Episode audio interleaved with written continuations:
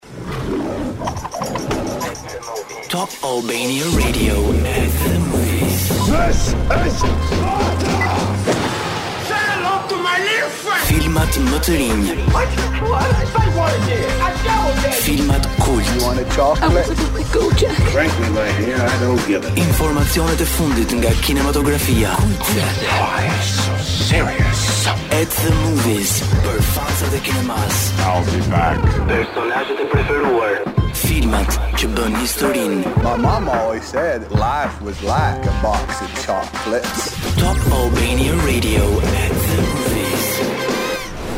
Ju përshëndesim të gjithëve kudo që ndodheni në këtë të premte, në këtë ditë kaq të bukur të premteje uh, muaj maj, është një muaj i këndshëm le të themi, megjithatë duket që vapa edhe këtë herë ka nisur shumë herët, janë këto ditët e para që fillon moti sa pak shi, pak mm -hmm. ftohtë dhe pak vapë. Teksa po rrugëtoja sot oh, nëpër oh, Tiranë, rastësisht dëgjova lajmet e koleges time të mm -hmm. dashur Dori Lato dhe Uh, tek parashikimi i motit thuhej se temperaturat uh, do të shkonin sot deri në 29 gradë. Po, është kohë perfekte për plazh. Dhe nuk e di pse gjithmonë kur është kaq vapë, kemi tendencën të themi vapë korriku, ë, shumë nxehtë. Është ndoshta edhe pak zagushi, Është siç e zagushi, themi ne, e sepse vërtet. um, me sa duket në mbrëmje uh, do të rikthehen pak ato reshjet e shiut. Po, por e, tregoni kujdes në fakt sepse është fiksa ajo periudha që edhe të ftohemi pak, e sidomos edhe fëmijët e vegjël sepse e, kemi e, mote të shumëllojshme brenda një dite. Ja ku dhe e nisëm me këtë bashkëbisedim Me këshilla. uh, direkt uh, me sinoptikanët. Dhe meqë dëgjuam uh, siglën edhe unë e dua shumë. Më në fund kam zbuluar uh, atë frazën e famshme My mama always said life was like se a, nga a cili box film e of chocolates." kishim shkëputur. Eksakt. Po si kaq vonë duhet ta kishe uh, gjetur më herët. Jo, unë e kam parë. Unë e di në po, fakt që në fillim. Është shkëputur nga Forrest Gump. Uh, unë e kam parë filmin, film e vërtet, uh, por uh, kam kuptuar që ndoshta duhet të filloj edhe të mbaj shënime për filmat që shikoj. Edhe kur themi që kinematografia dhe të parit filma është vërtet një shkollë, Ja që vërtet është edhe pse jo duhet uh, edhe ta bëj diçka. Po patjetër, jo vetëm filmat, ndoshta duhet të mbajmë shënim edhe ato shprehjet uh, që nxjerrim nga filmat, mm -hmm. sepse vërtet janë ndonjëherë shumë frymësuese, ndonjëherë na bëjnë të ecim përpara, ndonjëherë na bëjnë edhe nostalgjike dhe të ndihemi pak të plogësht. Megjithatë, ato shprehjet e filmave janë gjithmonë shumë të bukura, aq më tepër që ne i përdorim pa fund për t'i postuar në Instagram, në TikTok e kudo. Dhe sot ne nuk do të jemi vetëm, pak më vonë do të na bashkohet edhe një mikeshë e programit, edhe është ndër ato fanse edhe ndjekëse të rregullta të uh, gjyqit edhe të serialit po themi se po. çfarë po ndodh mes Johnny Depp dhe Amber Heard. Vazhdon të jetë në qendër të vëmendjes, askush nuk e kupton se çfarë po ndodh, çfarë po bëhet, Kush do ta fitojë atë gjyq aq të famshëm? Megjithatë un jam team uh, Johnny Depp. Por duket e vërtet në fakt duket që Johnny ka më shumë fansa edhe sigurisht që kanë filluar ato uh, fjalët negative deri diku edhe bullizimi për Amber Heard, por mikesha e programit tonë është edhe ajo e përditshme bën një përmbledhje ditore në Instagramin e saj. Në Big Brother është e fiksuar, është e fiksuar. Bën përmbledhjen e saj ditore edhe komentet e saj për çfarë po ndodh me gjithë situatë. Okej, okay, mirë, folëm mjaftueshëm, them unë, mos të bëhemi të bezdisshëm, mm. shkojmë menjëherë um, po, tek një këngë e bukur. Po, nuk e di pse sot isha në këtë moodin e këngëve rap dhe nuk e di pse um, e para që më erdhi në mendje dhe kisha ëndje ta dëgjoja, ishte kjo që do të vijë tani. Një këngë në fakt që shijon shumë, sidomos nëse keni në plan që të vraponi, jo tani sigurisht se është piku i vapës, por kjo këngë i uh, shkon shumë për shtat një vrapimi 5 apo 10 kilometrash për shembull. Vjen një version uh, version live um, i Lose Yourself, Yourself, që është përdorur pafund në si kolonë zanore në shumë filma. Shumë filma pafund, e dëgjojmë tani.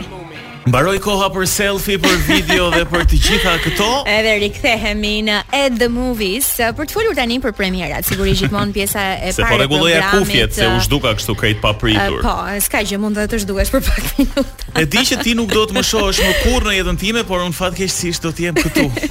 Faleminderit. Mirë, flasim tani për uh, dy premierat që kanë mbërritur ditën e djeshme në Cineplexx, duke nisur me të parën ku rikthehet aktori im shumë i preferuar, Colin Firth. Flasim për Operation Mincemeat, pra operacioni ë i mishit të grirë apo ë si Kështu mund ta përkthehet, quajmë? Po. I mishit të Me sa grirë duket- ose i bërë sarmë, është një gatim tradicional që e përdorim Dolma, andej gati. ndryshe. Dolma ose japrak. Ose japrak, Operacioni ë? japrak. Po. Bukur, A, japrak, interesante. Më fal, a, okay. Kam parë dikur përpara se të vazhdosh një film të quajtur Mm. um, Operacioni Antropoid ose Operation Anthropoid. Të sugjeroj Mhm. ta shikosh. Ngjarjet zhvillohen në Pragë, luan um, aktori Cillian Murphy, se mm -hmm. s'po më mhm. vinte ndërmend emri, dhe është pak a shumë i ngjashëm, ka të bëjë me një operacion uh, special gjatë luftës së dytë botërore që zhvillohet kundër nazizmit. Edhe këtu është pak a shumë flasim e njëjta po, tematikë. Po, flasim sërish për luftën e dytë botërore ku dy oficerë të Departamentit të Inteligjencës Përdorin një kufomë dhe letra false për të mposhtur trupat gjermane. Kemi Colin Firth, kemi Matthew Macfadyen, sepse sapo pashë Matthew direkt mendova mos është Matthew McConaughey, mm -hmm. por jo, është tjetër aktor.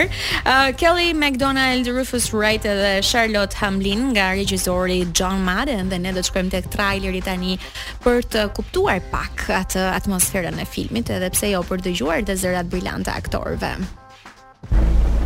In 5 weeks 100,000 British forces will strike Sicily's southern shore. Unfortunately the Nazis know of our intentions. So we're going to play a humiliating trick on Hitler. We have to convince Germany that our target is Greece.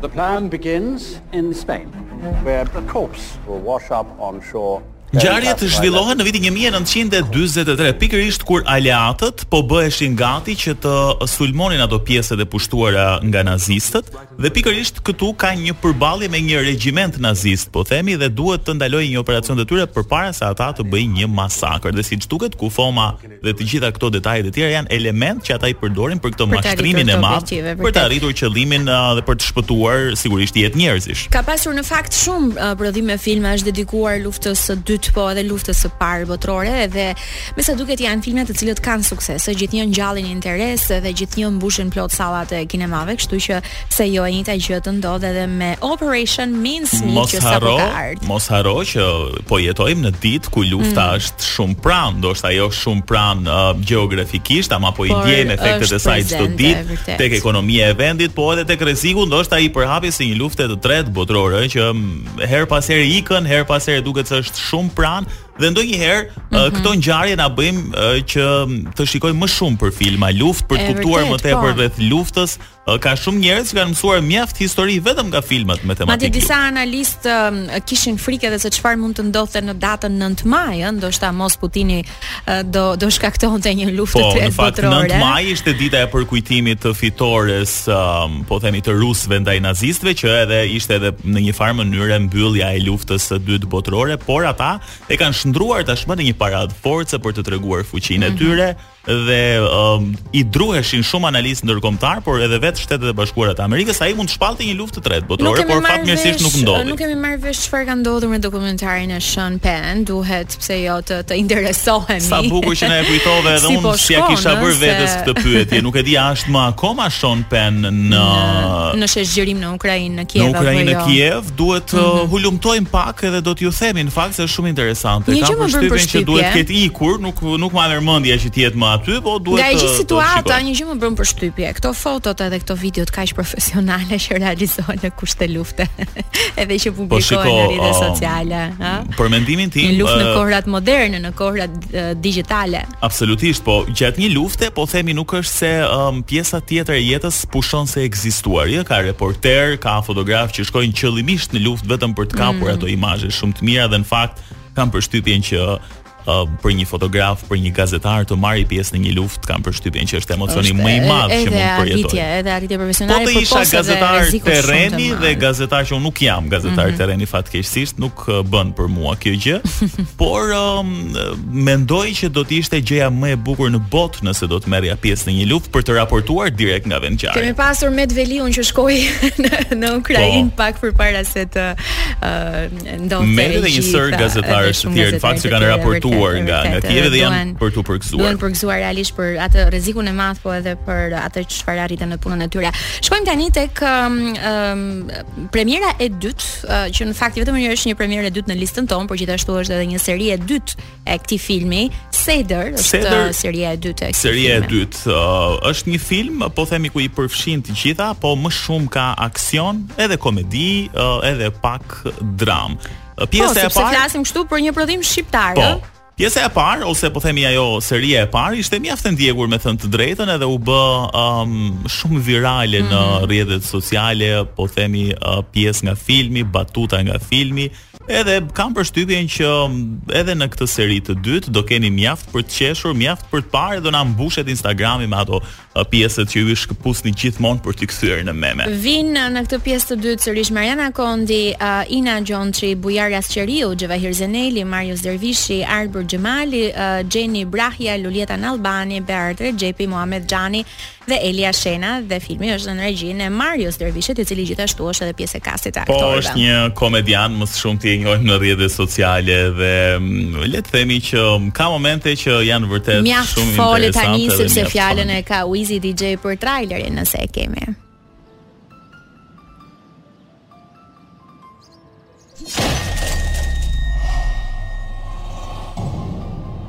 Mendoj që ka ardhë koha me gjetë kush ka vra djalin tim edhe kush do me na vra ne Ça po thua? Ha, do ta vazhdosh. do ta vazhdoj të dielën. trailerin.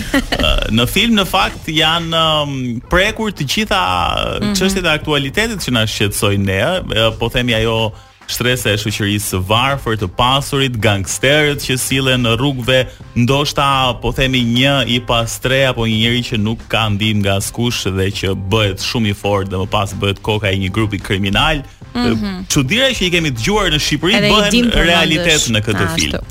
Mirë, ëm um, tani shkojmë në këngë apo në publicitet na e thotë Wizy në këngë, ok. Dhe meqenëse jemi tek uh, artistja që do të vijë tani. Meqenëse jemi tek artistja që vjen tani, uh, flasim për Do Doja Cat, right? kështu thuhet. Je, yeah, je, yeah, ke filluar të bëhesh anglisht folës në kohët e fundit. Nuk e di më vjen më më lehtë. Ëm, um, um, artistja në fakt emrin e saj e ka Amala Ratna Zandile Dlamini. Kjo është një një këngëtare amerikane.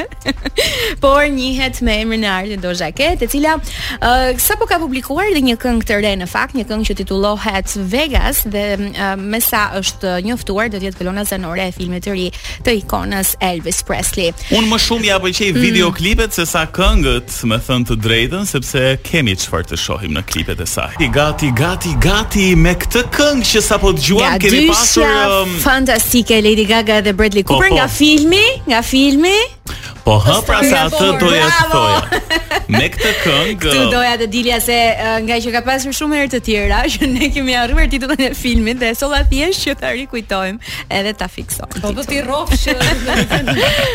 Na vë në këto sikletesh. Testi u kalua me sukses, fillojmë intervistën. Jemi në studio me Elsa Vimerin, me mikeshë të programit tonë, mikeshë tonë gjithashtu. Voilà. E voilà.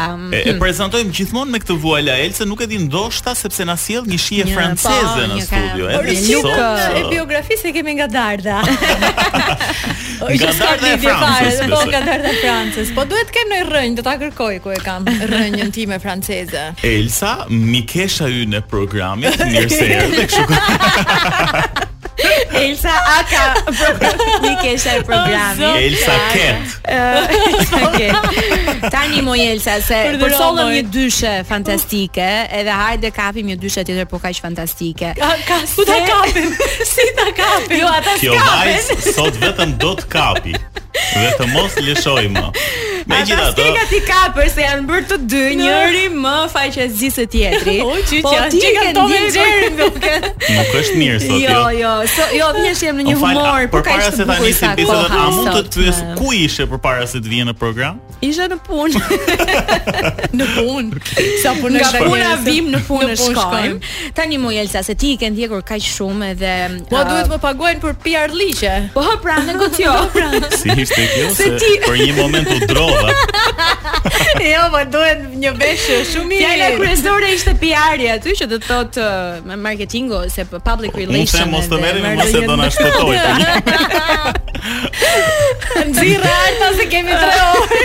Po ha më po, shoqë ha. Vajza ku do dalësh tani? Për Johnny Depp dhe Amber Heard. Ajo e di shumë mirë se ku duhet të dalë. Sepse Elsa ti i ke ndjekur dhe gjithashtu bën edhe një përmbledhje dhe jep dhe komentet e tua, kritikat e tua dhe duket dukshëm që Ti je në krahun e Xhonit. E tash i është është tash i qartë. Tash i qartë, është qartë. Ore, çfarë po ndodh mirë se ka dhe po, nga ata që na dëgjojnë dhe thonë ore po, për çfarë po flasin këta. Po, po ndodh kjo gjë, është me dy fjalë. Mhm. Johnny Depp u akuzua 3 vite më parë nga Amber Heard për dhunë në familje, dhunë të cilën e mohoi kategorikisht dhe mhm. tani e ka çuar Amber në gjyq për dëshmi të rreme dhe i kërkon 50 milion dollarë. Okay. Nëse ai fiton, kuptohet, ajo i jep lekët, në të kundërt i merr ajo lekët. Mm -hmm. Dhe pse e bën publike çdo seancë gjyqësore këta tani? Uh, tani, pse e bën publike? Për mua, siç e shoh un, ka mm -hmm. dy arsye. Ose ja kanë kërkuar kanalet amerikane, sepse mm -hmm. ai është Johnny Depp edhe kam përshtypjen mm -hmm. që as filmat nuk i janë parë shumë sa po i shihet ky gjyq. Sa po shihen e vërtet, po. ose ata kanë rënë dakord paraprakisht mm. ta bëjnë këtë gjë. A ka aktrim aty o Elsa se duket nga një herë ka. Uh, okay. Po, ka. Uh, Tani njerëzit janë të ndarë në dy kampe, kam përshtypjen që Amber Heard është personi më i urryer në planet për momentin. Vërtet, vërtet Johnny ka fituar zemrat e të po, gjithëve. Po, uh, dhe ka një gjë. Uh, kjo po përdoret mjaft mirë. Johnny mm -hmm. nuk mhm. është se ishte pa karrierë, pa reputacion, pa mm -hmm. talent, Ne e dimë, nuk kishte nevojë Xhoni as për këtë gjyqin, as për një gjë më madhore se mm -hmm. më se sa kjo, mm -hmm. sepse ai dihet kush është, por kam përshtypjen që do i shërbejë në favor. Edhe pse uh, filmi që kishte kontratë dhe do do kishte vazhduar të ishte Captain Jack Sparrow me Piratët e mhm. Karaibeve, e ndërpreu kontratën pa mm -hmm. dalë një rezultat gjyqi, pa dalë një fajësi ose një pafajësi. Mm -hmm. Shoqëria amerikane është çik puritane dhe nuk të lejon. E vërtet. Po. Që ti, uh, domethënë ata as nuk e çojnë nëpërmend që një personazh që i shërben një X gjëje në industrinë e argëtimit të ketë mhm. vetëm një hije, një tis që i shkon kështu vërdall reputacioni jo të po. mirë. Jo, pastaj kalon me këto gjëra. Për mua s'është e drejtë se për sa kohë gjykata jep fajësinë ose pafajësinë e dikujt, nuk ka të drejtë askush që të e vetmja kompani që po e mban Johnin tani është Dior, me të mhm. cilën ka kontratë për parfumin që shitet Uh, nuk e di sa mijëra shishe në një minutë. Wow. Vetëm se është Xhoni aty. Po un kam parë në fakt që Johnny Depp e ka kthyer në një farë mënyre dhe në një lloj show të gjithë gjyqin. Pra, të dy, të dy, të dy, Amber, sigurisht të dy në mënyra të ndryshme. Mm -hmm. Amber ka ato po themi të vetat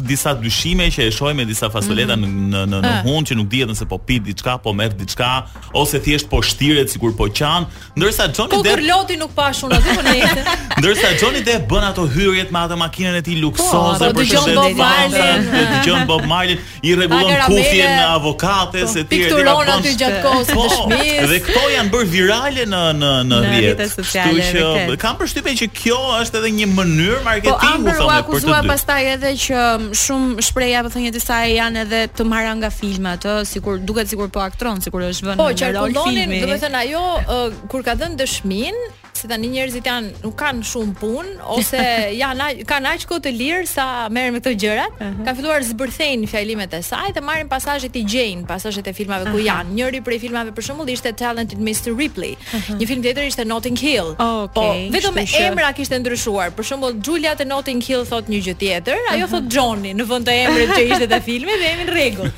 Por um, Tani, Johnny Depp është aktor. Po të mos i ngatërrojmë shumë gjërat se nuk mund të jesh aktor gjithë jetën. Mm -hmm. Dhe sado aktor i mirë të jesh, nuk mund të jesh aktor deri në fund, sidomos kur është fjala për jetën tënde personale. Mm -hmm. Apo e përdorin ata këtë gjë në favorin e tyre? Patjetër që po. Dhe nuk ka asgjë të keqe. Nuk ka asgjë të keqe dhe do vijë një moment që ky gjyq do bëhet në një serial në Netflix ose diçka e ngjashme, bazuar në një histori të vërtetë. Nuk po themi se do t'i marrin t'i plasin aty në Netflix, pa, pa, ja ku e keni gjyqin ritransmetim. Në vërtetë. Por do bëjnë diçka ose kjo do t'i shërbejë Johnnyt në një ngritje tjetër në karrierë. Pra do ketë shumë më shumë oferta nga ç'mund ta kishte imagjinuar në një situatë krejt normale pa, po, skandale, po. Sepse uh, Vetvetiu na vjen edhe neve tani pas gjithë këtyre shfaqjeve, duam ta shohim Xhonin në një film, ëh, për ta për ta parë tani se si është ai, se u bë kohë që s'ka bërë në fakt edhe ndonjë film të ri dhe ndonjë film të mirë, po them, nga këto të kualitetit të lartë fare. Shiko, dikur më kujtohet një gjë, ëh, se po qarkullojnë shumë gjëra tani dhe unë gati gati ndiej një lloj xhelozie prej fanseje ose prej njeriu që admiron një personazh të famshëm që të gjithë duan Xhonin.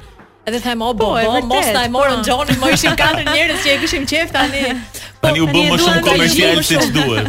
Dikur kur kishte fituar një çmim, Johnny është pa Oscar akoma, ëh. Mm -hmm. po, Imagjino po, çfarë aktori është dhe s'ka një Oscar, kur ka fituar një nga këto çmimet e karrierës, se nuk e mbaj mend, ai ngjitet atje dhe thotë falënderoj Amber, ishin pa dalë këto skandale, domethënë ishte mjalti i martesës së tyre. Falënderoj thotë që më duron dhe që bashkëjeton me të gjithë personazhet që unë jam. Aha, okay. Në sensin për të treguar që jemi të vështirë. Kupton, me një mhm. aktor nuk është e vështirë nuk është, nuk është e thjeshtë bashkëjetesa është e vështirë. Tani që të dy kanë probleme në kuptimin artistët Të gjithë e dimë janë, po, janë në një botë personazhesh që... shumë të famshëm që mm, kanë një një anë të po, errët. Po, mos harrojmë që po. Johnny, më fal, Art. Mhm. Johnny mm -hmm. ka vuajtur për një kohë shumë të gjatë varësi nga droga dhe alkooli. Edhe mm -hmm. ai tani ka shpëtuar veten në një sens nga ajo vorbull, mm -hmm. që është e pashmangshme.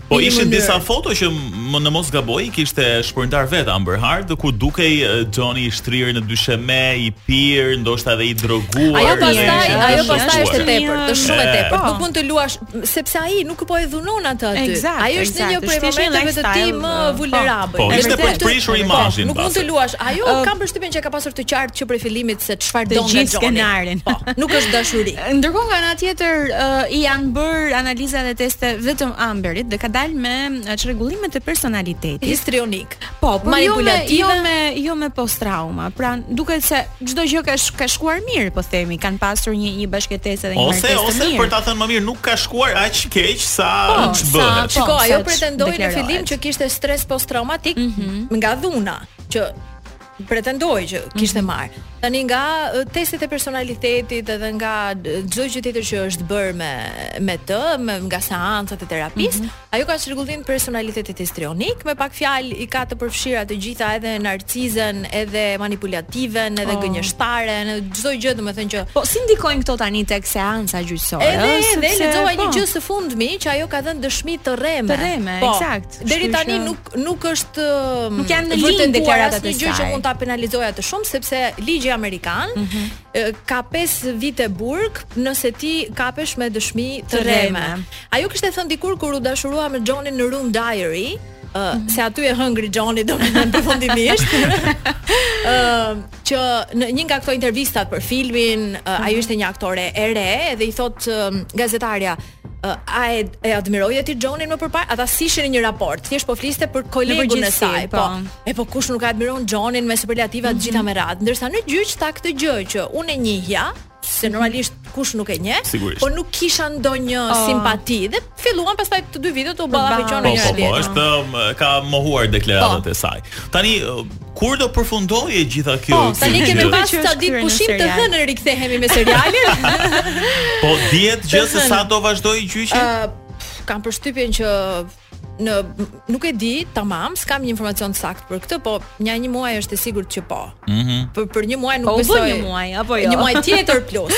plus po, plus, rreth një muaj janë bërë. Duhet të dëshmojnë edhe njerëz të tjerë. Kur të mbarojë Amberi dëshminë e saj tani, duhet të dëshmojnë edhe njerëz të tjerë që janë të dyja mhm. palëve po, po, për po, ta përforcuar. Kjo ka qenë në qendër të vëmendjes se kanë qenë dy protagonistë. Ka para këtu edhe mm -hmm. stacionet amerikane që japin gjyqin mm -hmm. live kur ndodh në Korea. Fitojnë patjetër. Ata fitojnë po dhe këta të dy që janë aty, besoj që një kontratë kanë lidhur për atë. Po, po a është reale kjo armiqësia ndërmjet tyre, mos ndoshta të dy e kanë uh, shpikur le të themi këtë armiqësi armiqësinë mes tyre, pikërisht ndoshta për të fituar këtë vëmendje sepse nuk e besoj. Janë kthyer në qendër. Askush nuk do të donte të luante me reputacionin e vet deri në këtë pikë. Johnny mm -hmm të paktën. Mm -hmm. Nuk nuk më merr mendja që të jetë kaq e frikshme situata. Mm -hmm. Që ka diçka që ne nuk e dimë, mm -hmm. nuk e uh, parashikojmë dot ose nuk e interpretojmë dot për momentin e di që ka. Po, po se jashtë. Nuk është aq situata, aq ndahemi në dy kampe. Johnny është shumë i mirë, është i purifikuar totalisht më i mirë i botës dhe hajde e urrejmë këtë tjetrën. Diçka ka, po Se ça ka? Nuk e di. Një fitues e kemi në fund, po, po, ta po. shohim. Dhe shpresojmë që kjo sagë të marrë fund shpejt, megjithëse neve na shërben se ne kemi informacion, kemi me ç'të merremi uh, gjatë gjithë javës, po mirë do të ishte që ta kishim të zgjidhur këtë çështje dhe të flinim të qetë. A një gjë të fundit fare, uh, sado të gënjejë dikush, sado të jetë një gjë e stisur në disa element, gjuha e trupit nuk gënjen kurrë. Po, mhm. dhe dhe këtu te ky gjyq ka pasur duket, po. pa fund elemente të gjuhës së po. trupit. Ajo do duket që e kanë tradhtuar më mm. shumë Amberin në shumicën e kohës. Po, ajo është gjithë kohën, domethënë duke harruar kush është. Është sa në rol e jashtë rolit.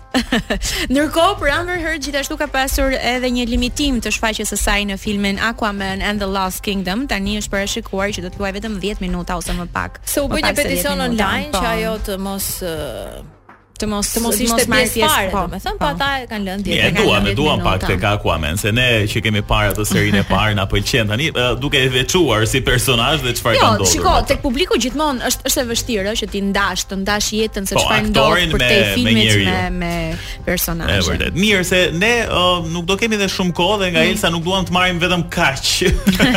Tani një premierë tjetër që vjen në në Shqipëri në 26 maj është Top Gun Maverick na rikthehet um, edhe kjo në fakt një rikrijim po themi i Top Gun-it të hershëm me Tom Cruise dhe për fansat e filmit ka qenë një lajm i shkëlqyer edhe pse u shty disa kohë për shkak të pandemisë më në fund do ta kemi Ajo premiera që u dha në fakt ishte e jashtëzakonshme, ai kishte mbërritur me një helikopter apo jo Tom Cruise dhe bëri mm. kështu një po, nga ato big entry. Në një nga premierat e mbyllura të para, domethënë para se të jetë një premierë amerikane dhe mbarëbotërore më e zgjeruar, ai kishte një helikopter i cili kishte të shkruar Top Gun Maverick Tom Cruise.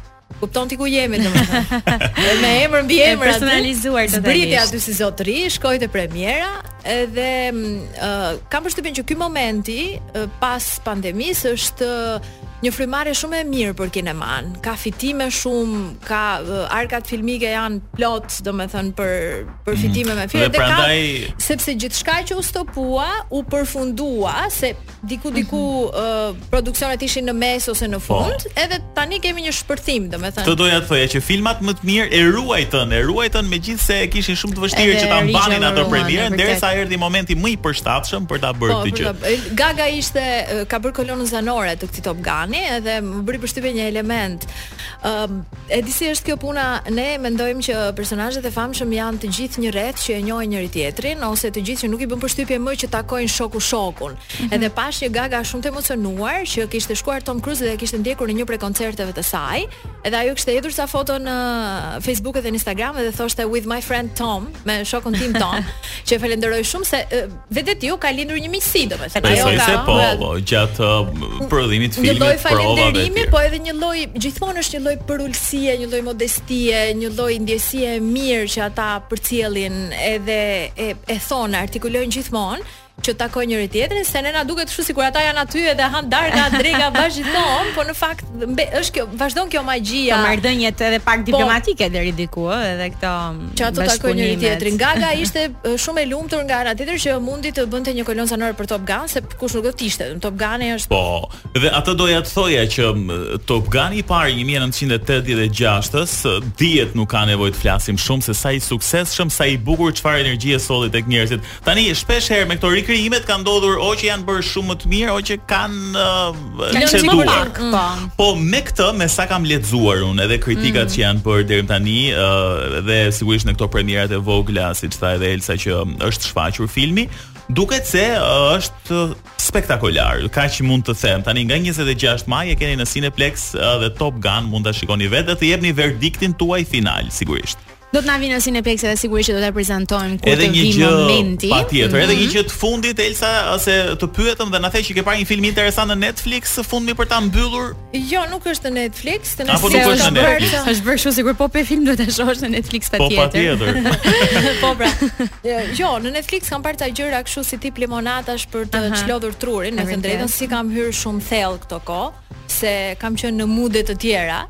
Në në të kam qenë në, në si i thonë White Marsh me si u bë. Duke gjetur vet veten. Po, jo, kam qenë në gjendje në një gjendje shpirtërore. Si mudi, kështu duhet ta heqim uh, ang anglishten nga nga fjalori. E dim që e di mirë. Ëm um, Është një film që titullohet Oxygen, mund ta gjesh uh, ngado, është mm -hmm. një mhm. aktore franceze dhe ajo është i vetmi personazh në film. Ka diçka që ka të bëjë me um, hapësirën, me njerëzimin, me ku po shkojmë, çfarë po ndodh, por nuk mm -hmm. është tamam tamam një film uh, që ka të bëjë me anije kozmike, me gjëra, është mm -hmm. shumë më tepër se kaq dhe që është një mesazh për çfarë na pret ne ose se si na përdorin ne gjatë gjithë jetës si qenie. Edhe edhe ndoshta fundin që do kemi e, bravo, me këtë gjë. Në në këtë kontekst, domethënë shtrihet gjithë. Duket sikur të paska ushqyer tamam atë gjendjen tënde. Po, edhe është një filozofi e Ti nuk e kupton dot filmin deri nga mesi Aha. se ku je. Mendon që ajo është një anije kozmike, ka shkuar në një uh, mision hapësinor e të gjitha me radhë, Aha. por jo, ka një gjë shumë shumë shumë përtej kësaj dhe realisht për herë të parë kam parë një film nga fillimi në fund me një frymë. Wow, okay. Isha kështu. Është shumë film i mirë, një aktore okay. franceze. Oxygen, oxygen. Oxygen, po. do ta mbaj mend dhe ta shikojmë sepse gjithmonë rekomandimet e Elsës janë një must, pra janë një